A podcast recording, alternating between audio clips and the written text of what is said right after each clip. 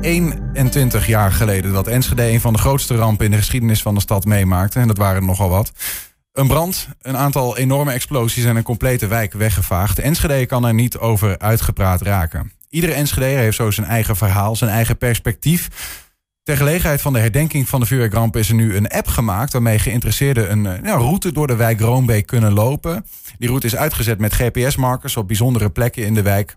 In de studio is een van de makers van die app, Jasper Schutz. Jasper, goedemiddag. Goeiedag. Staat jouw verhaal erin? Nou, mijn verhaal staat er persoonlijk niet in. Wat zou jouw verhaal zijn?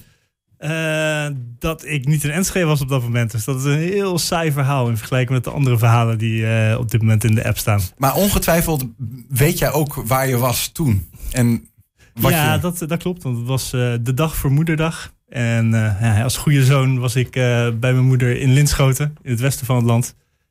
Waarbij wij de nieuwsbeelden zagen en de, ja, de ontwikkelingen natuurlijk snel op de voet volgden. Um, maar ik was niet in Enschede. Nee, dus uh, nee, nee. ik woonde toen wel net in Enschede. Op dat moment uh, ben ik net begonnen met studeren op de Universiteit Twente. Uh, maar dat weekend was ik er niet. Ja. Hoe keek je daarna dan? Naar, naar die beelden? Wat was het voor jou voor moment? Um, ja, apart hè. een stukje herkenning. Dus je denkt van, hé, hey, Enschede, daar studeer ik. En dan tegelijkertijd zie je dat er hele, hele uh, grote dingen aan het gebeuren zijn die, uh, die ik helemaal niet associeer met Enschede en niet associeer met uh, de plek waar ik aan het studeren was. Um, dus ja, dat was heel surrealistisch. En langzaam kwamen natuurlijk steeds meer beelden ook naar buiten van hoe de stad eruit zag van binnen en wat er allemaal kapot was en zo. En dan langzaam ga je ook plekken herkennen waar dan vrienden van mij wonen en dat soort zaken. Dus dan ja, wordt het toch in één keer wel iets persoonlijker. Dat, mm -hmm. Maar je was er niet. Op dat moment maakte het uh, letterlijk en figuurlijk iets wat van een afstand mee. De verhalen die in deze nieuwe app terecht zijn gekomen, zijn denk ik van mensen die wat dichter op het vuur stonden. Ja, absoluut. absoluut. Um, de verhalen die in de app staan, dat zijn uh, verhalen van mensen die het echt uh, van dichtbij hebben meegemaakt. En voor sommige mensen is dat dat ze echt naast de rampplek stonden. Uh, en andere mensen die het hele proces hebben meegemaakt. Uh, hoe bijvoorbeeld uh, de crisis opgelost moet worden die daarna ontstond. of mensen die bezig zijn geweest om die, die veerkracht te activeren in de wijk. Of de wederopbouw een mooie plek te geven.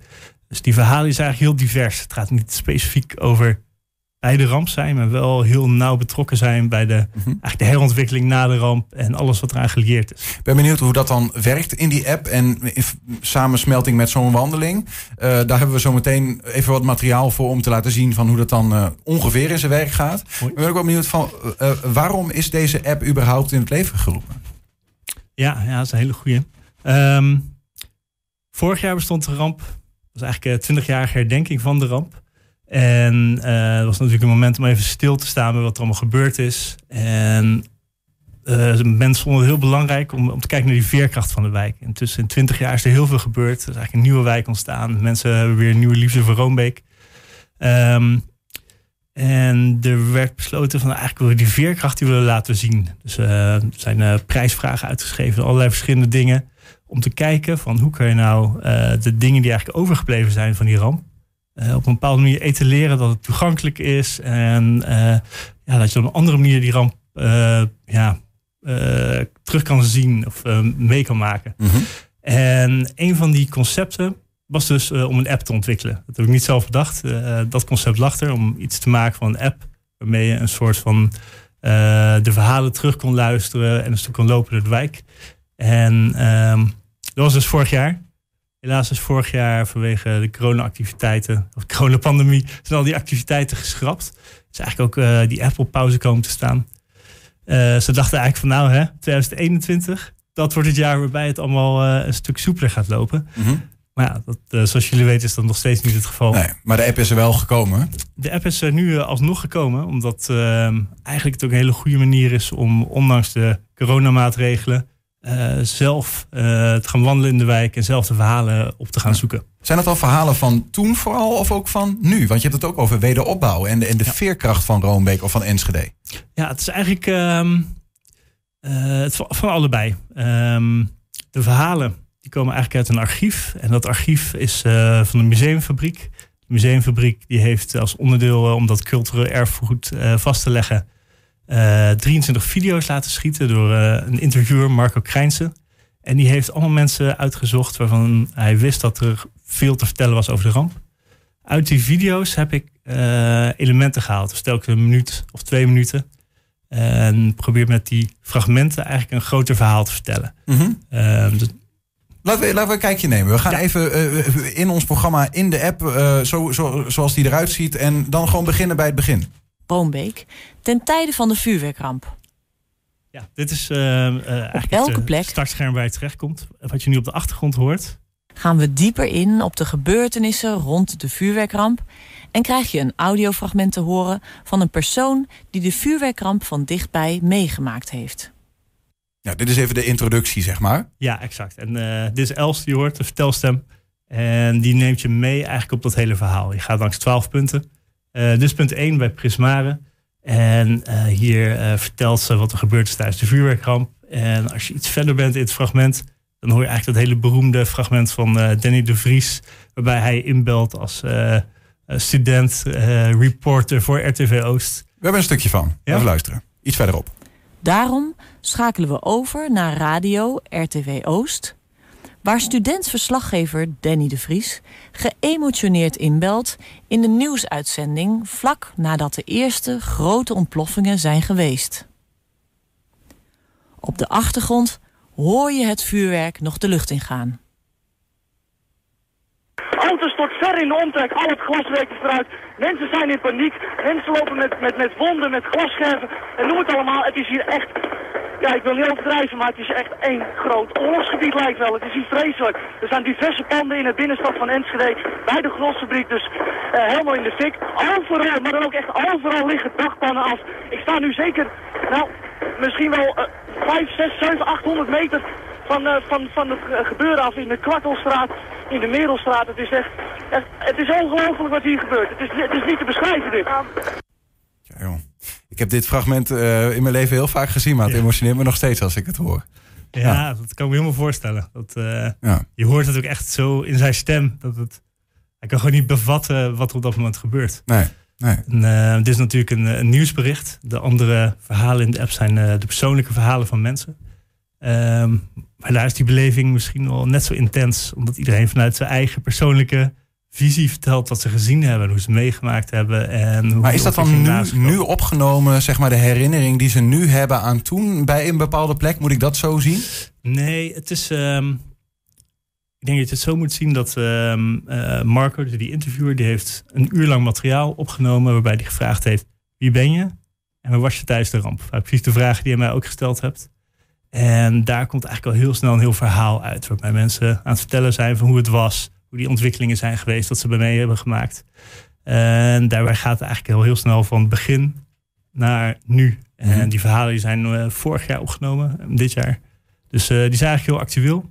Waarbij er wel teruggeblikt wordt naar het verleden. En die zijn opgenomen op die plek waar je op dat moment op de wandeling bent? Want je ziet het ook in beeld, denk ik dan, toch? Uh, nee, nee de, de video's is eigenlijk een los iets. En dat, dat is een videoarchief van de museumfabriek. En dat is ook mhm. een gesloten archief. In principe is dat niet bedoeld voor publiek.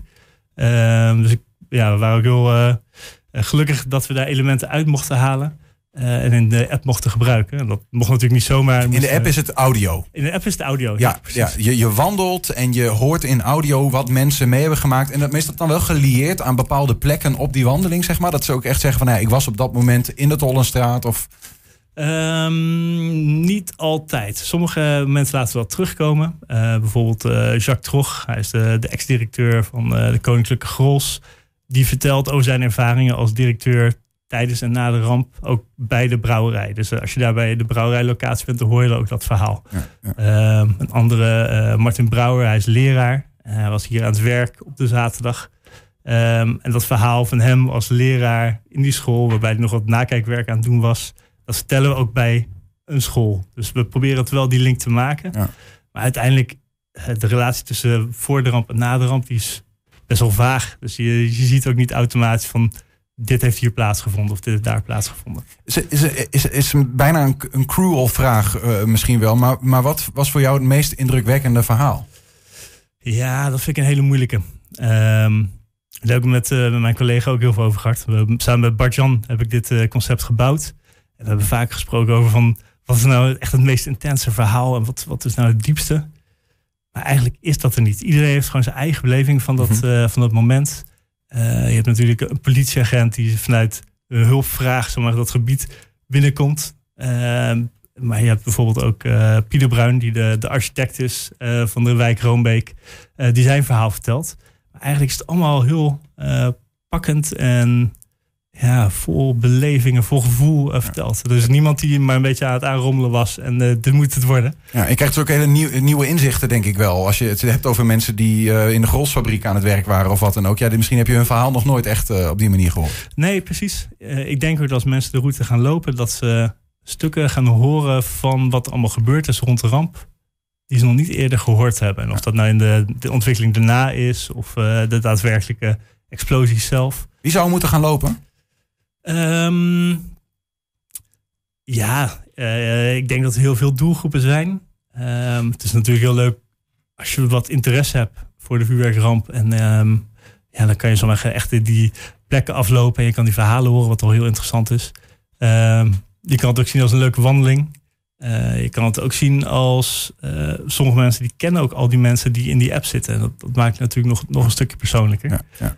Ehm, om nou één specifieke doelgroep aan te wijzen, vind ik wat moeilijk. Ik Nee. denk dat iedereen die een affiniteit heeft voor de ramp, eh, dat sowieso heel interessant gaat vinden. Waar vinden we hem? Hoe vinden we hem? Ehm, hij staat in de eh, Android Play Store en in de iOS eh, App Store. Mhm. Ehm, de, de app heet Vuurwerkramp Verhalen. Dus zoek even op vuurwerkramp. Vuurwerkramp Verhalen, ja, dan kom je hem tegen. Als je naar www.vuurwerkrampverhalen.nl gaat, dan hebben we daar alvast een linkje voor je klaargezet. Dan Kijk kan je al even gaan kijken. Hij blijft nog wel even bestaan, hè, de app. Ehm, nou, hij is dus beschikbaar alleen deze maand. Dus Ah.